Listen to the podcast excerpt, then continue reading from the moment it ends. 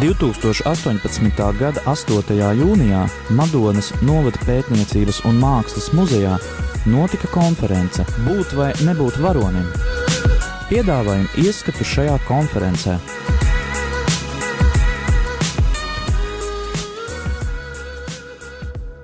Gara attīstība tiešām var transformēties. To mēs arī dzirdējām. Cilvēks var piedzimt vairākas reizes, un no mitoloģijas tiešām nāk līdzi vairāki uzvedības modeļi, kurus esam pārņēmuši un kuri mūsos darbojas dažādu arhitektu līmenī. Šī visa vēsture mums apkārt liek mums eh, dzīvot pilnvērtīgāk, ātrāk, saviem mākslas eh, audzēkņiem. Skolā parasti arī saku, ka mums ir kā māksliniekiem liela laime skatīties mākslu visā tās attīstības posmā, jo vienā lielākā Eiropas muzejā, izsteigājot visas zāles, mēs varam redzēt antīko mākslu, kur tik ļoti daudz tiek domāts par perspektīvu, un varam nonākt pie idejām, kad perspektīva tiek klausta un no viņas vispār atsakās. Līdz ar to tas visiem mums ir ļoti, ļoti svarīgi. Bet turpinot šo dienu, vēlos dot vārdu vēstures doktoram, profesoram, daudzu, jo daudzu publikāciju autoram, titula Gada vēsturnieks Latvijā 2015 saņēmējam, studentu īpaši iecienīts mācību spēks, fundamentālā pētījuma varoņi un varonība senajā Grieķijā autors. Sveiksim Hariju Tumanu un klausīsimies tēmu Varonības fenomens Eiropas kultūras pamatos - antīkais mantojums. Lūdzu! Jā, labdien! Es runāšu no citas skatu punkta pavisam, proti no kultūrādijas viedokļa. Un, ja jūs dzirdat vārdu mantojums, tad centrā būs tieši jautājums, kādu varonības modeli tad Eiropas civilizācija, Eiropas kultūra ir mantojusi no seniem grieķiem. Un uh, te ir jāsaka, uh, Eiropas uh, kultūra šo varoņu tēlu veidoja no trīs avotiem. Tā mūsu Eiropas kultūra, kuru mēs pazīstam. Un šie trīs avoti ir pirmais ir šis antīkais varonības ideāls, otrs ir kristīgais, ko radīja kristietība, kristīgā kultūra. Un trešais ir tas, ko ienesa Eiropas barbari, tie, kas to veidoja, to Eiropas kultūru. Uh, un, protams, tas ir viņu priekšstats par varonību, pirms viņi kļuva par kristiešiem. Ja, tad šie ir trīs avoti. Uh, un vispirms par to, kas ir varonība, kā rodas, kā rodas varonība. Ja. Uh, nu, manuprāt, tas ir pirmkārt kultūras fenomens. Tas ir vispār, kas ir varonis. Tas ir ideāls cilvēks. Jūs te uh, laikam redzēt, ja, klasisks grieķu priekšstats par, ah, to, priekšstats par ideālu cilvēku. Protams, tas ir pāraugt cilvēks. Cilvēks, kādu šī sabiedrība uzskata par ideālu. Un, kā jūs zināt, ideāli mēs būtu būt dažādi. Piemēram, uh, kristīgais ideāls. Tātad tas var būt svētais. Tā ir sekošana Kristum.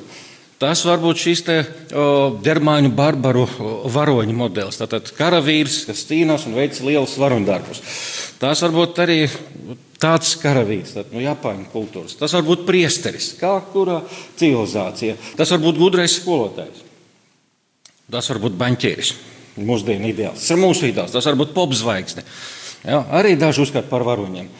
Un atkal atgriežamies pie ideāla cilvēka. Un tagad jautājums, kā mēs definējam, nu kas, kas tas ir? Ja? Paklausāmies, kā skan šis vārds latviešu valodā. Varonis, tas, kas var, jūs redzat, celmu, tas no vārda varēšana. Viņš var. Un no varēšanas ir vārds vara. Varēšana, vāra.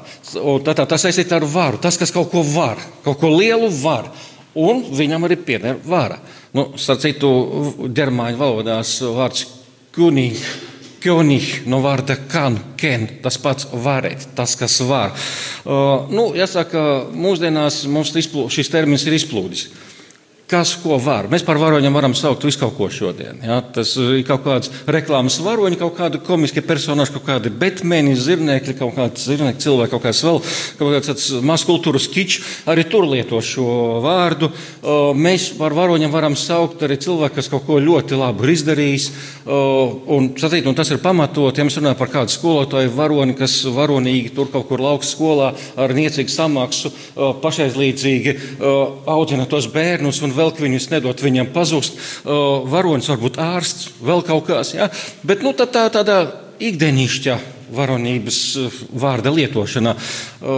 Tas man atgādina vienu personāžu no vienas filmas, kurš saka par sevi, nu, ziniet, jā, es katru rītu ceļos no rīta agri un eju uz ofisu. Es neteikšu, ka tas ir varonības, bet kaut kas varonīgs tajā ir. Ja? Nu, tas varētu būt, bet tas varonis, par ko es runāju, tas, kas ideāls ar lielu burtu, varonis ar lielu burtu, tas ir pavisam kaut kas cits. Tas, tā ir tā varonība, kas atklājas uz dzīves un nāves sliekšņa. Tāpēc tā ir varonība, kā cilvēks ir gatavs upurēt savu dzīvi kaut kā laba. Sākumā jūs dzirdējāt, varonis ir tas, kas kaut ko labu izdara citiem. Nu, sākotnēji tas bija savādāk. Sākotnēji sengrieķu kultūras pašos sākumos varonis uh, meklē savu slavu un godu. Viņš bija varonis priekš sevis. Objektīvi viņš bija varonis arī citiem, bet tās attīstījās pakāpenīgi. Bet liet, līdz ar to šeit ir svarīgākais saprast, a, kas ir tas, kas cilvēkam liek upurēt sevi ja, un kļūt par varoni. Jo pirmais priekšnosacījums, lai kļūtu par varoni, ir uh, nāves baiļu pārvarēšana. Varonība sākas tur, kur beidzās šis nāves bailes. Es tagad nerunāju par medicīniskiem kaut kādiem uh, gadījumiem, ja, kad uh, varbūt cilvēkam nav bailu sajūtas un viņš ir dūli, var triekties un kaut ko darīt. Es runāju par apzinātu izvēli. Par cilvēka apzinātu izvēli, kad viņš upurē sevi kā laba. Un tad pirmkārt jābūt šai idejai, kā labā viņš to dara. Tad tas var būt cilvēki, citi cilvēki, tā var būt tauta, un tas var būt kaut kāds ideāls. Jebkurā gadījumā tas ir ideāls, kuram viņš kalpo. Tātad līdz ar to, lai būtu varonība, ir nepieciešami divi faktori. Tas ir divi pamati. Pirmais pamats ir šis ideāls, tā augstākā vērtība, kas ir augstāka par pašu dzīvi. Jā, saprotiet, cilvēks var nomirt pār kaut kādu lietu tikai tad, kad viņš šo lietu uzskata augstāku par pašu dzīvi. Tas ir svarīgāks par pašu tavu eksistenci. Tad, tad jābūt šim ideālam. Un otrs, tā ir cilvēka personīga izvēle.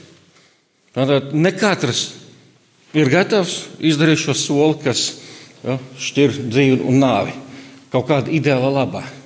Lielākā daļa cilvēku izvēlas dzīvot. Tādēļ mēs runājam par varoņiem ar lielu burtu, ka viņš šo soli ir varējis spērt. Tad viņš bija gatavs mirt. Uh, tā ir viņa personīga izvēle. Un te ir jādomā par to, kas nosaka šo viņa izvēli. Līdz ar to varonība ir no vienas puses kultūras ideāls, jo šo ideālu, šo vērtību rāda kultūra. Kultūra nes to vērtību, un cilvēks var šo vērtību attiecināt uz sevi un var neattiecināt. Viņš var to pieņemt, kā savu dzīves jēgu, var arī nepieņemt. Un tāds otrs faktors ir šī cilvēka personīga izvēle. Un tieši šeit es mazliet, jā, mazliet, ir, mazliet polemizēju ar viesturu. Viesturs arī pieminēja, ka mēs dažādi skatāmies šīm lietām. Es varu paskaidrot ar vienu tēlu ir viens tāds seno ķīniešu hieroglifs Li, kas nozīmē pasaules rituāls. Tas ļoti sens hieroglifs un izskatās ļoti vienkārši. Ir viena līnija augšā, tas simbolizē debesis, viena līnija ir apakšā, simbolizē zemi. Un pa vidu starp debesīm un zemi ir krusts. Tas ir cilvēks. Tātad cilvēks ir būtne, kas atrodas starp debesīm un zemi. Kas ir debesis? Tas ir gars. Ja, tas, ir, tas ir gars, gara pasaule, domu, ideja pasaule. Tas nav obligāti jāsaprot tikai metafiziski, bet tā ir tā gara pasaule, garīga telpa. Un otrs ir zeme, materiālas stihijas. Un mēs esam pa vidu. Uz mums iedarbojas abas šīs pasaules. Un te sākās šī personīgās izvēles jautājums. Tava identitāte, ko katrs cilvēks izvēlas priekš sevi. Kam tu esi tuvāk? Zemē vai debesīm? Un līdz ar to tas, ko saka viesturs, šīs schēmas, tēvs, māte, viss šis modelis, ja, tas, manuprāt, tas nāk no zemes. Tas ir tas, kas ir no dabas. Tas ir zemes stihijas, zemes vara par mums. Bet, ja ir šī garīga dimensija, tad tā ceļ mūs augšā. Un jo vairāk Mēs sekojam šai garīgai dimensijai, jo tālāk mēs no tās zemes, jo mazāk uz mums iedarbojas šis zemes spēks, zemes stihijas. Tā kā papustus Pāvils galētiem raksta. Ja?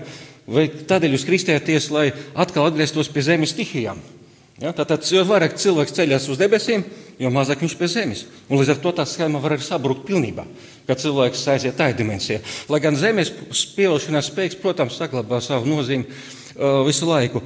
Uh, un vēl viens moments. Tātad, Tā ir izvēle. Tā ir kultūra un tā ir izvēle. Vēlreiz, vēlreiz atkārtoju, ka, manuprāt, varonības ir gan šis kultūras faktors, jo ideālu rada kultūra uz vērtību pamata, un tā ir arī personīga izvēle.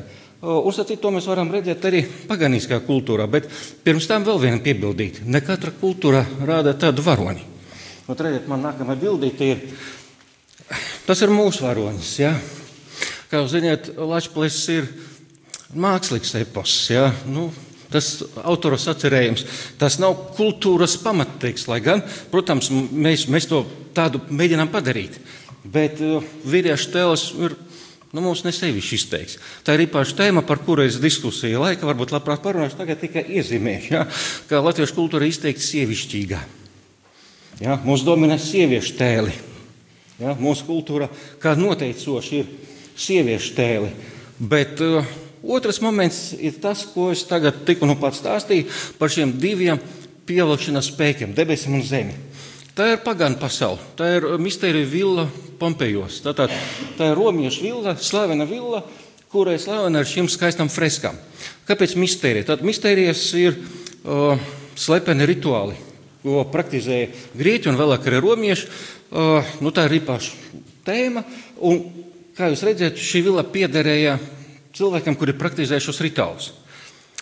Kaut kādu neilgi pirms uh, slavena vulkāna izvirduma šie cilvēki, kas izveido šo vilnu un šīs skaistās freskas, pameta šo vilnu, pārdeva un aizdevās kaut kur prom. Un šeit šajā villā ievācās pavisam citi cilvēki, kuri, acīm redzot, kā viens rakstnieks raksta, uzskaitīja šīs freskas par uh, vīna ražošanas blakus produktu. Ja, acīm redzot, sūlās tur slēgsties uz sienām. Ja, un viņi ierīkoja tur vīna ražotni. Redziet, pašā skaistā pagalmā, kas bija domāts skaistumam, viņi ierīkoja šādu rupju pagrabu, vīnas pieri. Tad bija praktiķi, kuri gāja bojā šeit, izvirduma laikā. Ja? Tas saprotiet, debesis un zeme. Ja? Atkal tas ļoti labi alegorija, kas parāda, ka šī debesu dimensija var cilvēku paglābt un pacelt augšā. Un redziet, tas freskās, un tagad atgriežamies pie senās Grieķijas. Tātad, kāds ir šis mantojums, ko mums radīja šī antika kultūra? Uh, nu, es tā īsu, īsu pārskatu, laika ir pavisam maz. Uh, tas ir pats sākums. Kultūras sākums ir Homera laiki. Tie ir varoņi, kuri tiešām kaut ko var. Tie ir varoņu karavīri. Es daudz par to esmu rakstījis savā grāmatā, tā ka es neatkārtošos. Šeit ir spēks, gods, drosme. Viņi kalpo savam ideālam, viņi gatavoja par to mirt. Te es nerunāju tagad, tagad par mitoloģijas varoņiem, es runāju tagad par reāliem cilvēkiem, kuri seko šim ideālam. Viņi radīja šo grieķu kultūru. Un tad nākamais etaps, kad uh, Grieķija izveidojas valsts. Jūs zināt, ka Grieķija valsts var par polisu. Polisa ir kolektīva vara. Un te jūs redzat, ka valsts varoni ierobežo. Varonis, tas senais varonis, šīs karavīrs, viņš tiecas uz bezgalību. Viņš meklē slavu un godu sev. Viņš ir egoists. Šeit šis egoists ir pakļauts kolektīvam. Šeit viņš ir nostājies ierindā, falangā, un viņš tagad kalpo valstī. Šeit ir varonis patriots, kurš kalpo valstī un kurš gatavs mirt par savu valsti. Jūs redzat, kā viņa attēlo šo nāvi. Viņš mirst ar smaidu, nekādu ciešanu, nekādu sāpju. Viņš ir laimīgs, jo viņš upurē savu dzīvi savai tautai, savai dzimtenei. Nu, tas ir oficiālais, nu, oficiālais varonis ideāls. Nu, protams, te viņš var izklaidēties medībās brīvā laikā, bet klasiskā laikmetā mēs redzam pavisam citu problēmu. Varonis un valsts, varonis un likums, varonis ir masa. Jo tālāk attīstās civilizācija, jo nāk klāt jaunas un jaunas problēmas. Varonis un pūlis. Un tas tagad parādās grieķu dramaturgijā. Šeit jūs redzat ajantu, kurš, lai izglābtu savu godu, ir izdara pašnāvību. Tā ir viena Sofokla luga, un šeit mēs redzam ilustrāciju, tās kulminācijas brīdis, kurš varonis galpo godam, viņš nevar dzīvot kauna, ar, aptraipīts ar kaunu. Viņš izdara pašnāvību. Antigoni, sieviete varoni. Ļoti līdzīgi. Viņa ir etiska izvēle. Viņa nav kar karotāja, bet viņas izvēle ir saglabāt uzticību senču likumiem, savai dzimtai, savai reliģiskai tradīcijai un nomirt vai nodot senčus, dievus, tradīciju. Bet saglabāt dzīvi. Viņa izvēlas nomirt.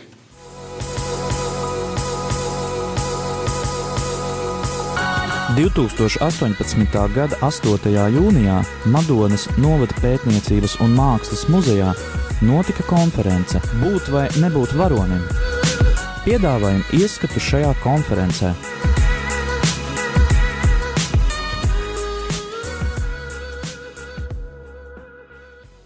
Ir arī citi varoņi. Satītu redzēt priekšstats par sievieti varoni. Jūs redzat arī šeit. Tā ir ļoti cēla būtne. Nekāds, nekāda pazemojuma, nekādas vīriešu terorisma nav. Viņa ir tikpat cēla un skaista, kā tas jaunietis, kuru jūs redzējāt pirms tam. Un tas ir redzams viņas sejā. Un rekur vēl viens varonības tips, kuru rada Atēnu demokratiska sabiedrība. Tas ir Sokrāts. Un sacīt, Sokrāts mūsdienās ir ļoti aktuāls. Jo kas ir Sokrāta varonība? Par to es arī rakstu. Man ir vesela nodaļa veltīta Sokrātam. Es tagad neatkārtošos, bet uh, gribu īsumā parādīt, kur ir Sokrāta varonība. Uh, mēs šodien ar to varam saprast, ja mēs salīdzinām Sokrātu ar citiem tā laika intelektuāļiem. Tie ir sofisti. A, kas ir sofisti? Ko viņi mācīja, ko viņi darīja? Sofisti pārdevā savas zināšanas par naudu. Viņi bija skolotāji, kas klīda un pārdeva zināšanas. Viņi bija vienlaicīgi skolotāji un vienlaicīgi arī politehnoloģi. Viņi gatavoja politikas un mācīja pierādīt, ka baltais ir melnais un melnais ir baltais. Ko vajag? Tikai maksā naudu. Ļoti skaidri noformulēts viņu vērtības. Iegūt slavu, iegūt naudu un labi dzīvot. Lielākie sofisti ir slaveni, ka ļoti bagāti cilvēki. Viņi gatavoja politikas, viņi gatavoja vēlēšanās. Mēs viņus sauktu par politehnoloģiem. Viņi pieprasa šo manipulāciju mākslu. Tātad, kā jūs saprotat, viņu vērtības ir ļoti racionālistiskas, ļoti materiālas. Tas ir mūsdienu, īstenībā tas ir mūsdienu liberālas vērtības. Visiem brīvība, dari, ko gribi, un pelnu naudu, kā gribi. Tava labklājība ir augstāka vērtība. Un tam es varētu noraksturot sofistu domāšanu. Es tam mazliet vienkāršoju, bet jūs saprotat, ko es gribu teikt. Un kādas idejas pauda Sokrāts? Diametrāli pretējās. Dievbijību, tradicionālas vērtības, godu, krietnumu, ģimeni. Un šim ideālam viņš visu mūžu arī kalpoja. Beidzas ar to, ka ar sofistu līdzdalību viņš tiek notiesāts uz nāvi. Un viņa varonība izpaudās tādā, ka viņš pieņem šo savu likteni, neieteicās no sava ideāla, no tā ideāla, kuram viņš kalpoja, un pieņem šo nāvi. Un nav nejauši, ka vēlāk, kristīgā laikmetā, Sokrāts nosauc par kristieti pirms Kristus. Jo faktiski tā ir mocekļa nāve. Viņš kalpo ideālam. Jā, Sokrāts ar citu izrādīja varonību arī kaujas laukā. Jūs redzat, pat ir viena glezna, kas atspoguļo šo notikumu, kad viņš izglāba dzīvi vienam ļoti slavenam cilvēkam, kurš sauc Alkibijāts. Viņš bija varonis arī kaujas laukā. Bet ne tādēļ mēs runājam par Sokrātu. Mēs nebūtu viņu atcerējušies, viņš būtu tikai tas bet mēs par viņu runājam tādēļ, ka viņš nostājies pret valdošām vērtībām, pret valdošo sofistu ideoloģiju, atgādina, ka tā bija valdoša. Kad sabiedrība dzīvo, dzenoties pakaļ eirostandartiem, labi dzīvot, pelnīt un baudīt. Un Sokrāts runā viņam nu, par tādām lietām, par kurām mūsdienās runā piemēram, baznīca. Ja? Un par to viņš arī nomira. Tad gribu pasvītrot, tas ir ļoti svarīgs moments, ir jauns priekšstats par varonību. Un tagad mēs skatāmies, kā redzat, te ir viņa nāve. Un nākamais solis - Aleksandrs Lielais. Mēs atgriežamies vecais laikos. Varonība kā varēšana, pasaules iekarošana, kaujas lauks, varoņu darbi un Aleksandrā sekotāji. Nākamie valdnieki, kuri viņu atdarina. Jūs redzat, kā viņš atdarina Aleksandru. Un tāpat laikā Sokrāta līnija grieķu kultūra turpinās. Tie ir filozofi. Filozofi, kuri atsākās no eiro standartiem un māca dzīves gudrību, kā patiesi dzīvot, saglabāt savu dvēseli. Un tagad pārējiem pie senas Romas, jo man jau jāsāk nopaļoties. Sena romieši radīja valstisku varonības ideālu. Seni romieši kalpoja valstī. Faktiski šī valsts ideja radīja Romas kultūru. Tikai viens fakts. Seniem romiešiem nebija mīti, kas stāstītu par pasaules radīšanu. Seniem romiešiem bija mīti par Romas radīšanu. Roma viņiem ir pasaule. Līdz ar to romiešu varoņi, tie, kas kalpoja Romai un kas bija gatavi nomirt Romas labā. Un šeit jūs redzat Horāciju varoņu zvērēst, kad viņi bija viņi gājuši uz nāvi. Un šeit ir ļoti interesants piemērs, kā viens no tiem Horācijiem uzvarējis kauja ienaidniekus, atgriežoties savā Romā, ierauga raudošu māsu. Un viņš pateica, par ko māsa raud. Viņš uzvarēja, Romas tauta uzvarēja. Izrādās, ka māsa aplaudoja to ienaidnieku, kuru viņš nu pat nogalinājis kaujā un viņš nogalina māsu. Tādai māsai nav tiesības dzīvot. Nu, tas ir priekšstats par romiešiem. Ja? Un viņu tauta sapulce attaisnoja. Brūts, tas, kas gāza tiraniju. Viņš dabūja dzirdēt, ka viņa divi dēli iesaistīti sazvarestībā. Viņš pats personīgi parakstīja viņam nāves spriedumu. Tātad Romas varonis ir tas, kurš upurē kaujas lauka savu dzīvi savai valstī, un ir gatavs upurēt arī savu tuvāko dzīves, arī savu bērnu. Un tādu piemēru tas ir vairāk romiešu leģendārai vēsturē, kad viņi upurē arī savu dēlu, ja viņš pārkāp Romas likumu, lai viņš atļaujas nostāties ieprieti Romai. Tātad romiešu ideāls kalpo valstī. Nu, tā jūs redzat, kā izskatās šie oficiāli romiešu paraugi. Viņi ļoti skarbi vīri. Skarbums ir redzēt viņu sejā. Tā ir varbūt galvenā viņu izteiksme. Protams, augstākais ideāls ir imperators un tāpat laikā filozofs. Filozofa ideāls Romas kultūrā arī saglabā savu nozīmi. Tātad rezultātā antīkā pasaule radījušos divus varonības tēlus. Varonis karavīrs un varonis kā filozofs, kas mirst savas pārliecības labā. Un nākamais solis ir tas, ko jūs redzat šeit - kristīgais laikmets. Es atgādinu, ka kristietība radās Romas impērijas laikā. Un kristietībai bija divi avoti. Protams, pirmais ir galvenais ir Bībele, un otrs avots ir šī antīka kultūra. – 2018. gada 8. jūnijā Madonas novada pētniecības un mākslas muzejā notika konference Būt vai nebūt varonim. Piedāvājam ieskatu šajā konferencē.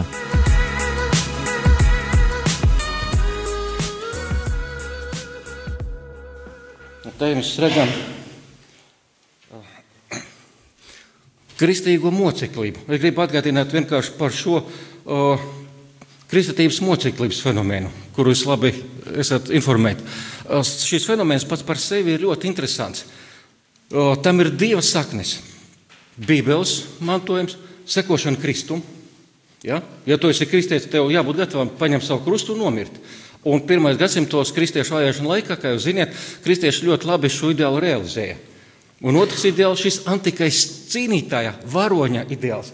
Un ko es tagad jums rādu? Te ir uh, viens trauks, trešais gadsimts, uh, Romas impērijas laiks. Te jūs redzat kristīgu mocekli. Viņš ir centrā, uh, viņam vainags. Tas uzvaras vainags un lauvas, kas viņu gatavo saplasīt. Tātad moceklis viņš tiek iznīcināts, bet īstenībā viņš triumfē. Viņš uzvar, tas ir uzvaras vainags. Laika man vairs nav, tad es vairs nemeklēšu citātus, bet es pēc tam, ja gribat, es varētu jums vairāk citātus nolasīt no Cezarējas Eusēbija darbiem, kuros viņš aprakstot kristiešu mocekļu gaitas, viņu likteņus, lieto senās varonības terminoloģiju. Viņi cīnījās, viņi uzvar spīdzinātāji, kad viņi gribēja piespiest kristiešus atteikties no sava ideāla, cīnījās pret kristiešiem. Kristieši saņemdami nāvi, izturēdami to visu, cīnījās pret, un viņi uzvarēja savus spīdzinātājus ar to, ka viņi nepadevās. Un tur ļoti baisi apraksta, kā tas ir noticis. Bet viņi, viņu cīņa tiek aprakstīta kā cīņa un uzvara. Šeit es gribu atgādināt, ka Romas impērijā bija vēl viena monoteistiskā reliģija, kura arī nevēlēs atzīt imperatoru par dievu, tāpat kā kristieši. Tā ir judaisms. Bet nekādu judaisma mocekļu šajā laikmetā nav. Vajag upurējam, lai liek mierā. Mēs tāpat neticam, ka viņš ir dievs, bet kristieši atzina par labāku nomirt. Ja? Un tas, manuprāt, ir ļoti svarīgs moments. Un šeit mēs redzam, ka šis Kristus sekošanas ideāls savienojas kopā ar šo antīko varonības ideālu, ar Sokrāta un ar Aleksandra varonības ideālu. Sacītu, šeit ir interesanta mozaika. Tas ir 4. gadsimts Izraēla baznīcas mozaika. Un uz baznīcas mozaikas ir attēlot Aleksandra liela varoņdarbi. Tas ļoti interesanti. Tātad Aleksandrs ir iegājis arī kristīgā kultūrā. Un tā, rezumējot, nopaļoties, man jau laiks beidzies, es gribu teikt, ka Eiropā mantoja no antīka laikmeta šo ideālu, kas ļoti labi sagāja kopā gan ar kristīgo ideju, gan ar to barbaru, Eiropas barbaru varoņu ideoloģiju. Un, un tālāk tika pārņemts, redzēt, barbaru varonības tēlus, un tālāk tas sakausēs kopā jauna ideāla. Tas ir divbīgs bruninieks. Tātad karavīrs ar zobenu, kas lūdz Dievu Šis tātad kristīgais un cīņa, cīnītāja ideāls apvienojas kopā.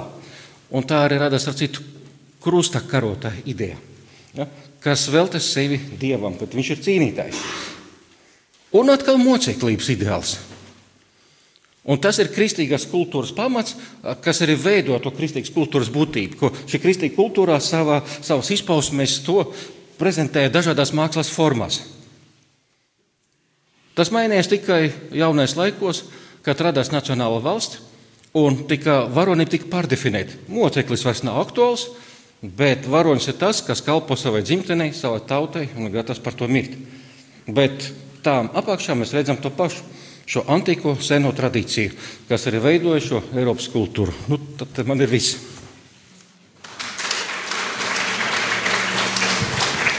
Paldies profesoram Harijam Tumanam ļoti izsmeļoši.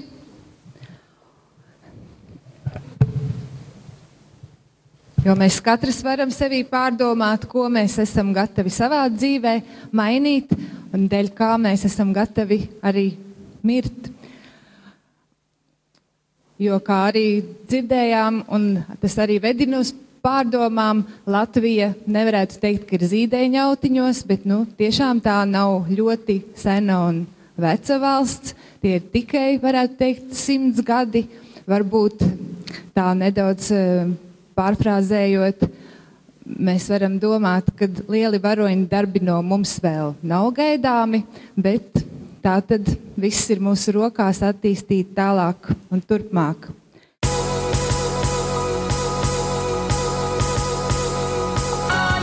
Izskanēja ieraksts no konferences Būt vai nebūt varonim.